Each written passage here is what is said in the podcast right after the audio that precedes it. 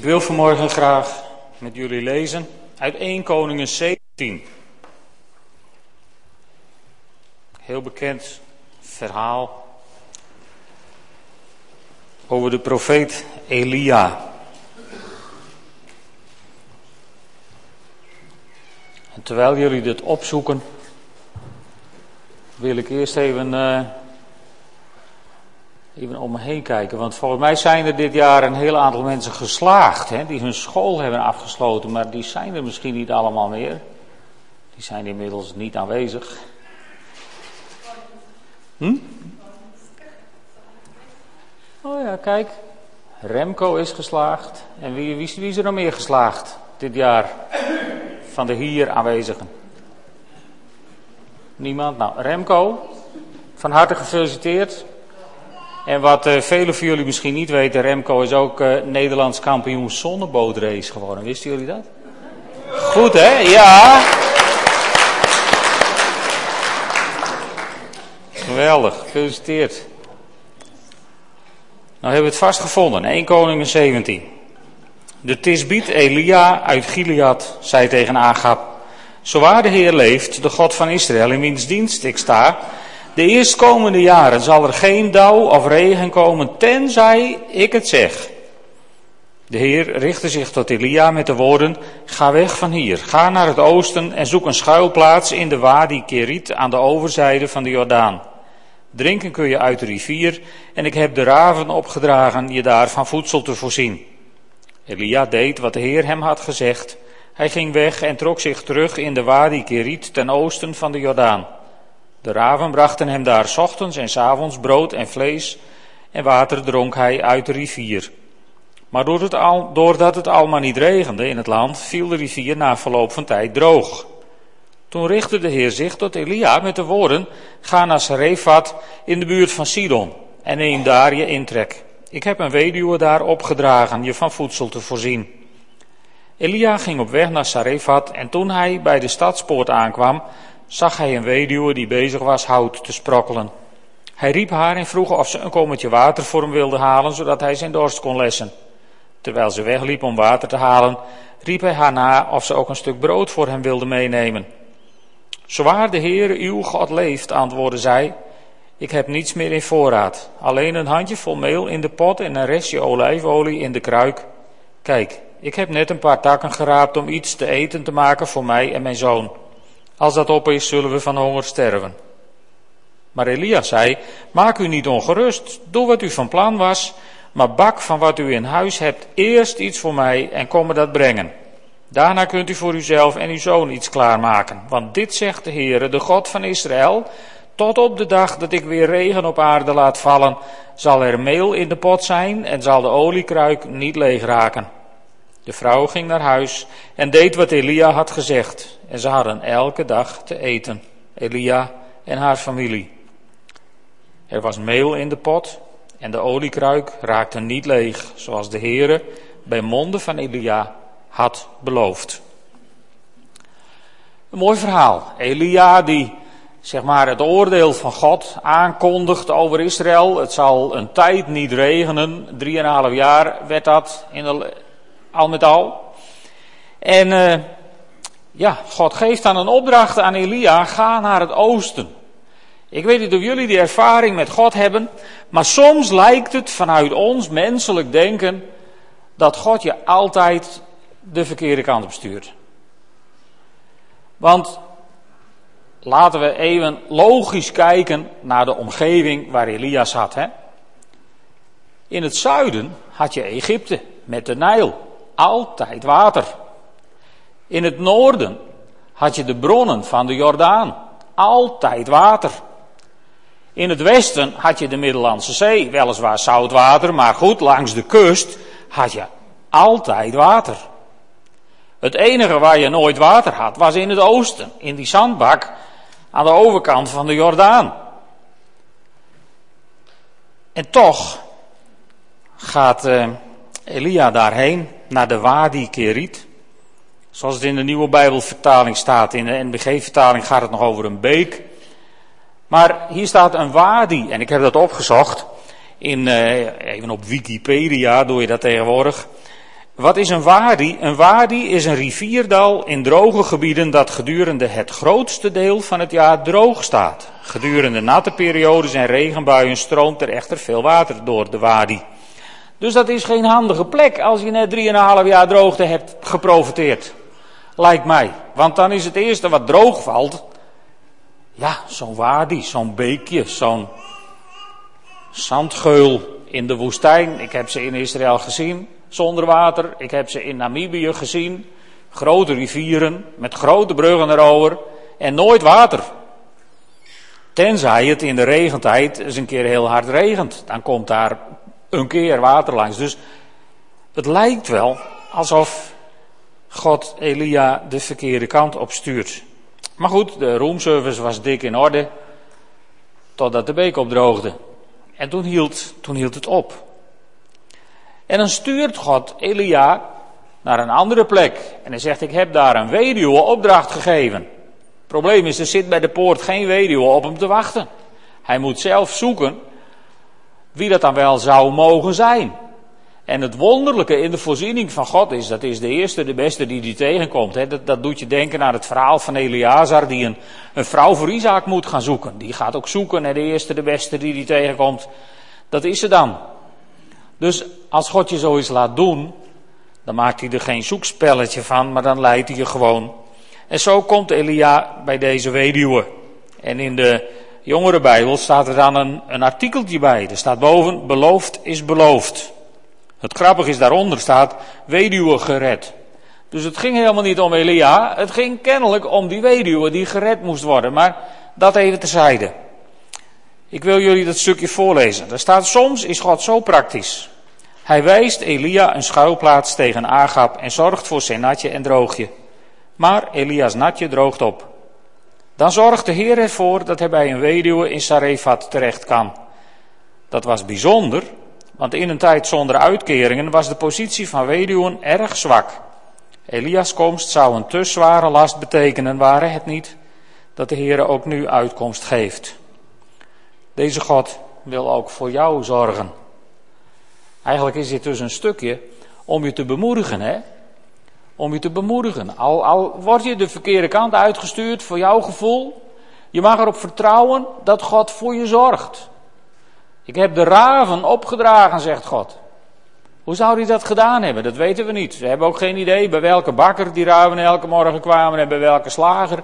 Maar ze brachten hem twee keer per dag brood en vlees. Waar vandaan? Who cares, zou je zeggen, hè? als ze maar komen. En ik denk dat Elia daar zo ook heeft gezeten. Hij heeft God elke dag gedankt voor zijn natje en zijn droogje. En dan moet hij naar die weduwe. En dan vraagt hij haar eerst om wat drinken. Dat was kennelijk normaal in die tijd, want dat deed Eleazar en dat deed Jacob toen hij uh, aankwam op zijn vlucht. En dat deden er meer in de Bijbel. En dat deed zelfs Jezus met de Samaritaanse vrouw. Als je ergens kwam als reiziger en er was iemand met gereedschap om water te putten, dan vroeg je om wat te drinken. Dus hij vraagt om wat te drinken. En dan geeft hij haar als het ware een opdracht, lijkt het hier wel, om hem ook wat te eten te brengen. En dan komen we achter de wanhoop van deze vrouw. De wanhoop die er uit haar woorden spreekt. Van, ja, ja, ik, ik sprok al nu wat hout en dan maken we het laatste eten op klaar en dan moeten we maar sterven. Wat een wanhoop heeft er in deze vrouw gezeten. En toch is ze kennelijk door het spreken van Elia geraakt. Of laten we zeggen, de Heilige Geest van God heeft, heeft haar bemoedigd, heeft haar dat gevoel gegeven van nu moet ik, ja, nu moet ik die sprong in het diepe wagen. Nu moet ik als het ware die stap op het water zetten. En dat beetje eten wat we nog hebben, moet ik weggeven aan deze man. En zo maakt ze haar laatste broodje en brengt het bij Elia. En dan begint dat wonder zich te voltrekken van een meelpot die nooit leeg raakt. Van een oliekruik die nooit leeg raakt. Staat in de Bijbel tot op de dag dat het weer ging regenen. Toen dacht ik bij mezelf, dat is rijkelijk vroeg. Want als het weer gaat regenen, dan moet het graan eerst gezaaid en dan moet het groeien. En voordat het meel is, ben je nog een jaar verder. Maar ik neem aan dat God haar met de overwinning voor de deur niet heeft laten verhongeren. Dus dat zal vast goed gekomen zijn. Maar wat een geloof legt deze vrouw aan de dag door die stap te zetten. Door dat vertrouwen in God te hebben. En daarin wil, is een voorbeeld voor ons. Daarin laat ze ons zien dat je God altijd kunt vertrouwen. Sommige mensen menen uit dit soort verhalen dan af te leiden dat ja, als je God nou maar veel geeft, dan krijg je ook veel terug. En, en weet je, dat kun je uit dit soort verhalen helemaal niet. Wat je hieruit kunt leren, is dat als je God vertrouwt, dan kom je nooit om. Kom je nooit om. Dan wordt het leven anders en dan, dan is er een, een voorziening in je leven. Een voorziening van genade. In wezen is dit genade, hè, deze weduwe. Een heidin. Want ze spreekt tegen Elia over de Heere, uw God. Met andere woorden, het was niet haar God, maar wel zijn God. Hoe ze dat heeft gezien, weet ik ook niet. Maar, maar zij, en dat staat daar dan ook in dat stukje, zij wordt gered omdat ze dat vertrouwen heeft in God. En de goddelijke voorzienigheid, die houdt niet op. Die is altijd genoeg. De hongersnood gaat niet weg. Maar die voorzienigheid van God is altijd genoeg. Het lijkt ook een beetje, voor mijn gevoel, op het, op het verhaal van, van, van Petrus. Hè. Petrus die, die op het water loopt en ineens op de omstandigheden gaat zien en dan wegzinkt. Het bijsluitereffect zou je kunnen zeggen. Hè? Als je weet wat je allemaal kan overkomen, dan overkomt het je bijna gegarandeerd. Nou, Petrus die focust daar ook op en dan roept hij, Heere help. En dan, dan gebeurt er iets heel bijzonders. Want toen, toen de Israëlieten uit Egypte gingen en voor de Rode Zee stonden, hadden ze een probleem met water. En dan doet God het water aan de kant. Als ze voor de Jordaan staan en ze moeten naar de overkant, hebben ze weer een probleem met water. De Jordaan in het regenseizoen, ook zo'n punt dat God je dus op het verkeerde moment door de rivier wil sturen. Want ja, iedereen, ieder ander had geweten dat je dat in de zomer moet doen en niet in de regentijd. Maar goed, God is altijd wel anders. Maar daar doet God ook gewoon, hup, het water aan de kant en ze kunnen er doorheen. En nu zit Petrus in de problemen met water. Alleen nu leven we in de nieuwtestamentische tijd, in die genadetijd. En, en, en wat gebeurt daar? Jezus doet niet het water van het meer aan de kant, zodat Petrus gewoon op droge, droge voets, zeg maar, hup, naar het strand kan wandelen. Nee, wat doet Jezus? Die pakt hem bij de hand en die zet hem op de golven. En je moet het verhaal maar eens nalezen.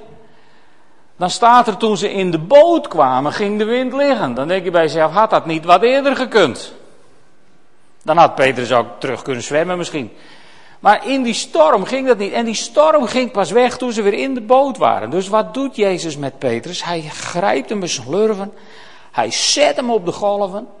En hij leert hem om midden in de storm over de golven te wandelen. Wonderlijk, heb je daar wel zo over nagedacht? Zo doet hij dat hier ook met die weduwe. God doet voor haar. Hij laat het niet plaatselijk regenen in haar achtertuin.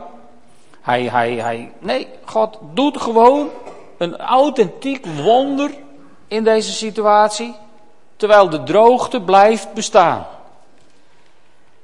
En weet je, soms hebben wij situaties waar we in zitten dat we denken, God doe er wat aan. En heel vaak zie je dat God er zo op het oog niks aan doet. Aan de situatie, bedoel ik. Wat je wel vaak ziet, is dat God in die situatie met mensen wat doet. Zodat je met de situatie om kunt gaan. Zodat je als het ware boven de storm komt te staan, op de golven kunt lopen. Zoals met Petrus. Of zodat je op een, op een, op een wonderlijke, goddelijke manier ineens kennelijk over onuitputtelijke bronnen van incasseringsvermogen of kracht of energie of wat dan ook lijkt te beschikken. Olie die nooit opraakt. Meel wat nooit opraakt. Er is elke dag genoeg. En Jezus zegt dat ook, hè, maak je geen zorgen voor de dag van morgen, want elke dag heeft genoeg aan zijn eigen zorgen. Zo leer ik het vroeger. En, en dat lijkt God te zijn. Hè? Elke dag genoeg voor zichzelf. Dus met andere woorden, als je, als je, als je gaat praxeren, als je gaat, dat is Fries waarschijnlijk. Als, als je, nou ja, als je gaat praxeren, dan, dan ga je bezig met de dingen van morgen hè, en overmorgen. En oh, misschien wel volgende week. En dan ga je denken, oeh, de kredietcrisis, hoe moet het als ik misschien mijn baan kwijtraak, weet je? Daar moet je niet over inzitten totdat het zover is.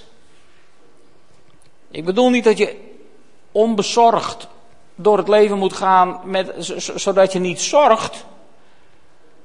Maar je moet je geen zorgen maken. Je moet je niet laten beheersen door je zorgen. En dat is iets wat we kunnen leren in dit verhaal. Want God heeft ons beloofd dat hij altijd bij ons zal zijn. Dat hij er altijd voor ons zal zijn. En beloofd is beloofd. Dat is bij niemand meer waar dan bij onze God in de hemel. Beloofd is beloofd. En als God zegt: Ik zorg voor jou, dan zorgt hij voor jou. Ongeacht in welke situatie je ook zit. Maar goed, God stuurt Elia naar deze weduwe. En, en je zou kunnen zeggen, hij, hij brengt haar onder bij een zwakke partij, zouden wij zeggen. In die tijd had je helemaal geen uitkeringen. Tegenwoordig, als je als alleenstaande door het leven moet. En je, en je bent op uitkeringen aangewezen. dan is dat tegenwoordig al niet makkelijk, maar toen was er geen eens een uitkering. Dus toen had je helemaal niks. Een weduwe was overgeleverd ja, aan de genade van de andere mensen in het dorp. En bij zo iemand brengt God Elia onder. En dat deed me denken aan die paar woorden uit 2 Korinthe 12, vers 9. Dat is het verhaal waar Paulus vertelt hè, over die doorn in zijn vlees. En daar wil ik het nu niet, uh, niet over theologiseren wat dat geweest zou kunnen zijn. Maar daar, daar bidt Paulus een aantal keren of God hem daarvan wil bevrijden. En dan op een gegeven moment zegt God heel expliciet tegen hem. Hè, deze tekst wordt ook wel eens gebruikt voor mensen die zeggen: ja, ja, nee, ik ben ziek. Maar ja, Paulus moest zijn doorn in het vlees ook houden. Nee, Paulus kreeg een heel expliciet woord van God, een spreken van God, dat hij het ermee zou moeten doen in die situatie. En als je dat ook hebt, dan moet je daar gewoon inderdaad mee leren leven. En tot die tijd mag je gewoon blijven bidden. Mag je ook elke keer als we avondmaal vieren, hier naar voren komen en voor je laten bidden. En als we geen avondmaal vieren en je hebt nood, mag je wat mij betreft ook bij de oudsten komen. En dan willen we ook voor je bidden. Maar je moet blijven bidden en God blijven zoeken en, en, en geen genoegen nemen met je situatie. Tenzij God expliciet spreekt in je leven. Laten we geen vergissingen maken met deze tekst. En als je blijft bidden, Zolang je geen woord van God hebt dat je het ermee moet doen, dan ga je soms wonderlijke dingen van God zien. We hebben het met Tineke mogen beleven. Hoe vaak hebben we niet voor je gebeden? En hoe vaak hebben we niet op het punt gestaan om de moed op te geven en de handdoek in de ring te gooien? En dan is plotseling daar dat goddelijke moment. En ook dan kun je je afvragen, had het niet wat eerder gekund? Had het niet wat... Maar ja, daar gaan wij niet over. Hè? Daar gaan wij moeten ook leren om de dingen aan God over te laten. En God gewoon te danken en te loven en te prijzen voor het moment waarop hij op die wonderlijke manieren ingrijpt in mensenlevens. Maar God zegt iets expliciets tegen Paulus in deze situatie. God zegt tegen Paulus, want kracht wordt zichtbaar in zwakheid. En daar wil ik nog even bij stilstaan. Kracht wordt zichtbaar in zwakheid. En dan zegt Paulus dus laat ik mij veel liever voorstaan op mijn zwakheid, zodat de kracht van Christus in mij zichtbaar wordt. En de weduwe waar Elia terecht kwam, ze was misschien niet sterk financieel, maar ze was wel bereid om gehoorzaam te zijn. En weet je, God is niet altijd op zoek naar krachtpatsers. God is altijd op zoek naar mensen die bereid zijn om gehoorzaam te zijn aan datgene wat Hij van hen vraagt. En als je bereid bent om gehoorzaam te zijn, als je bereid bent om te doen wat God je vraagt, dan zal God altijd zorgen dat je ook kunt doen wat Hij van je vraagt. Want God vraagt geen onmogelijke dingen van mensen. En als God dingen van mensen vraagt die hun krachten te boven lijken te gaan, ja, dan, dan, dan, dan kunnen we zo een handvol getuigenissen krijgen, volgens mij, van die God die dan zoveel kracht voorziet, zodat je wel die weg kunt gaan die je voor de kiezen hebt. En als je dan later achterom kijkt, dan denk je, hoe is het in de wereld mogelijk dat ik dat heb gekund? Nou, dat is in de wereld niet mogelijk dat je dat hebt gekund. Dat is bij God mogelijk dat je dat hebt gekund. En dat is de God die wij mogen dienen. Dat is de God in wie wij geloven. Dat is de God op wie, op wie ons geloof is gebouwd. Is dat niet geweldig? Dat we zo'n God mogen hebben? Een God die altijd voorziet in dat wat je nodig hebt. Alleen één ding moeten wij dan nog leren. Wij schrijven God vaak voor wat we nodig hebben. Maar die voorzienende God, die bepaalt zelf wat wij nodig hebben. Volgens zijn goddelijk besluit. En dat ziet er wel eens wat anders uit dan wat op onze boodschappenlijst stond. Maar God weet wat we ten diepste nodig hebben en daar voorziet Hij altijd in als we Hem willen gehoorzamen. En zo is het ook met deze weduwe. Want in vers 15 hebben we het gelezen. De vrouw ging naar huis en deed wat Elia had gezegd. En ze hadden elke dag te eten. Zij, Elia en haar familie. Is het niet wonderlijk? En haar familie. Hè? Er staat, in het begin heeft ze het over, van, ja, ik maak nog een beetje eten voor mij en mijn zoon. Dat was het dan. En nu staat er, ze hadden elke dag te eten, zij, Elia en haar familie. Het gaat ineens niet meer over die zoon, het gaat ineens over de familie. Hetzelfde verhaal dat God door gehoorzame mensen hele families redt, vind je bijvoorbeeld ook in het verhaal van Jericho, hè, met Rahab de Hoer. Eén vrouw die gehoorzaam is en, en, en de mensen van God helpt om te ontkomen. En vervolgens wordt zij met haar hele familie gered.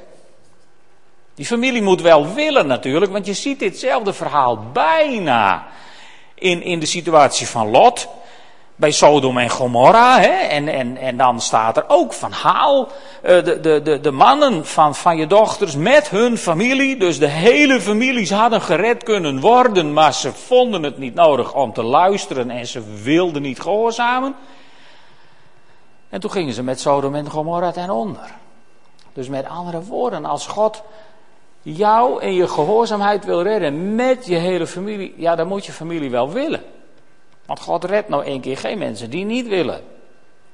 Zo gaat het nou ook weer niet. Maar goed, onze weduwe hier is bereid om te doen wat God zegt. En in haar zwakheid, haar positie als hulpeloze weduwe, wordt de kracht van God meer dan zichtbaar. Want in plaats dat haar familie haar redt, redt zij haar familie. Geweldig. Plus Elia erbij. En weet je, die zwakheid, die zwakheid, die zien we vaker. Want deze weduwe die geeft in wezen aan Elia wat ze niet had. Maar wat ze elke dag kreeg door de genade van God. En in handelingen zien we een, vergelijkbare situatie. Ik vond hem vergelijkbaar. Handelingen 3, vers 6. Petrus en Johannes die komen bij de, bij de tempel. En dan zit daar die bedelaar te bedelen. Maar ja, uh, Petrus en Johannes die volgden de Heer Jezus al een aantal jaren en die, eh, die leefden van een vriendenkring. En, en veel mensen die van een vriendenkring leven, die weten dat. Dan moet je, dan moet je soms wel uh, behoorlijk zuinig. Maar dat houdt niet altijd over. En Petrus die heeft kennelijk ook niks bij zich en ja, die viste ook al jaren niet. En Petrus zegt, ja geld heb ik niet. Maar wat ik wel heb, dat geef ik je. In de naam van Jezus van Christus van AZ, sta op en loop. En vloep. De man staat op, springt en danst en huppelt door de tempel. En is genezen. Ook Petrus was bereid om te geven. En waarschijnlijk heeft hij, heeft hij gewoon gevoeld, heeft hij gehoord van de Heilige Geest wat er gebeuren moest en wat hij moest doen. En door Gods genade gebeurt er een wonder. Ook Petrus en Johannes hoorden bij de zwakkeren. In de ogen van het volk hoorden ze na de dood van Jezus bij de losers. Op het verkeerde paard gegokt. Maar ja, Jezus was dood, dachten ze. Jezus was natuurlijk niet dood, Jezus leefde. En Petrus die, die, die handelt ook uit die opstandingskracht van Jezus Christus. En die opstandingskracht van Jezus Christus, waar we in de viering van het avondmaal toch elke keer weer mee geconfronteerd worden in brood en in wijn. Die opstandingskracht van Jezus Christus is net als die oliekruik die nooit leeg raakt. Het is net als die meelpot die nooit leeg raakt. Die opstandingskracht van Jezus Christus is oneindig groot. Altijd toereikend voor degenen die daarin geloven en daarin geloof hun deel van halen. Er is kracht in het bloed van het lam. Eindeloos. Dat raakt nooit op. Zelfs niet als de kruik hier een keer leeg is, want dan haalt de koster naar achteren en die gooit hem weer vol. En als er geen wijn in huis is, heb ik meegemaakt in de vorige gemeente. Dan gooit de koster hem vol met roosvisé. En iedereen die na de tijd nog avondmaal viert, heeft het niet gemerkt. Er is kracht in het bloed van het lam. Eindeloos, onuitputtelijk, zonder einde. Dat is de God die wij mogen dienen. Dus misschien zit je hier vandaag met problemen. Misschien zit je hier vandaag met ziekte in je lijf. Misschien zit je vandaag hier misschien met ziekte in je hoofd. Ik weet het allemaal niet van iedereen. Maar er is kracht in het bloed van het lam. Onze God heeft voorzien in een onuitputtelijke bron van kracht en van genade en van goedheid. En we lezen over, over, over hem in 2 Korinthe 13, vers 4 er staat over de Heer Jezus dat hij gekruisigd werd, past bij zijn zwakheid. Maar nu leeft hij door Gods kracht. En wij, apostelen, zijn net als Christus zwak, maar u zult merken dat wij net als hij leven door Gods kracht. En dan is die kracht dus ook in ons. Ook wij zijn geroepen door Jezus Christus. En als je een kind van God bent, is die kracht van God ook in jou. Staat er in 2 Korinthe 13, vers 5 wel een hele cruciale vraag. U weet toch dat Jezus Christus in u is? Even over nadenken. Dat is een Bijbelse vraag. Ik bedenk hem niet. 2 Korinthe 13, vers 5. U weet toch dat Jezus Christus in u is? Of weet je dat niet? Ik wil, ik wil niemand in verlegenheid brengen, maar dan zou ik vragen of steek je hand eens op of zo. Maar dat, dat doe ik even niet om, om jullie te beschermen. Maar deze vraag wil ik vandaag, voordat we avondmaal gaan vieren, heel expliciet voor iedereen van jullie neerleggen. U weet toch dat Jezus Christus in u is? En als je dat niet weet, en zegt ik zou toch zo graag willen putten uit die, uit die bronnen van kracht van, van deze Jezus Christus. dan wil ik je van harte uitnodigen, uit het diepst van mijn hart, om voordat je avondmaal gaat vieren, zometeen eerst voor gebed te komen. Als we hiervoor voor je klaarstaan. Laat dan voor je bidden. Als je verlangt naar die zekerheid dat Jezus Christus in je is, dan daag ik je uit om die stap te zetten. Laat voor je bidden. Dan willen we je de handen opleggen. En dan willen we, dan willen we, dan willen we voor je bidden dat die zekerheid van God, dat Jezus Christus in je is, jouw zekerheid wordt in jouw leven. Want, want één ding wil ik tegen je zeggen, nou, als ik die zekerheid niet zou hebben, dat Jezus Christus in mij is, dan had ik een vak geleerd en dan had ik hier niet gestaan. Dan zou ik hier niet eens durven staan. Jezus Christus is in mij. En wat betekent dat? Nou, 1 Johannes 4, vers 4 zegt daar nog iets heel geweldigs over. En die in u is, is meerder dan die in de wereld is. U weet toch dat Jezus Christus in u is? Ik weet dat Jezus Christus in mij is. En daarom is die kracht die in het bloed van het lam is, die kracht is in mij. En die kracht is in jou. Als je weet dat Jezus Christus in je is. En dan weet je ook dat dat wat in jou is, meer is dan wat er in de wereld is.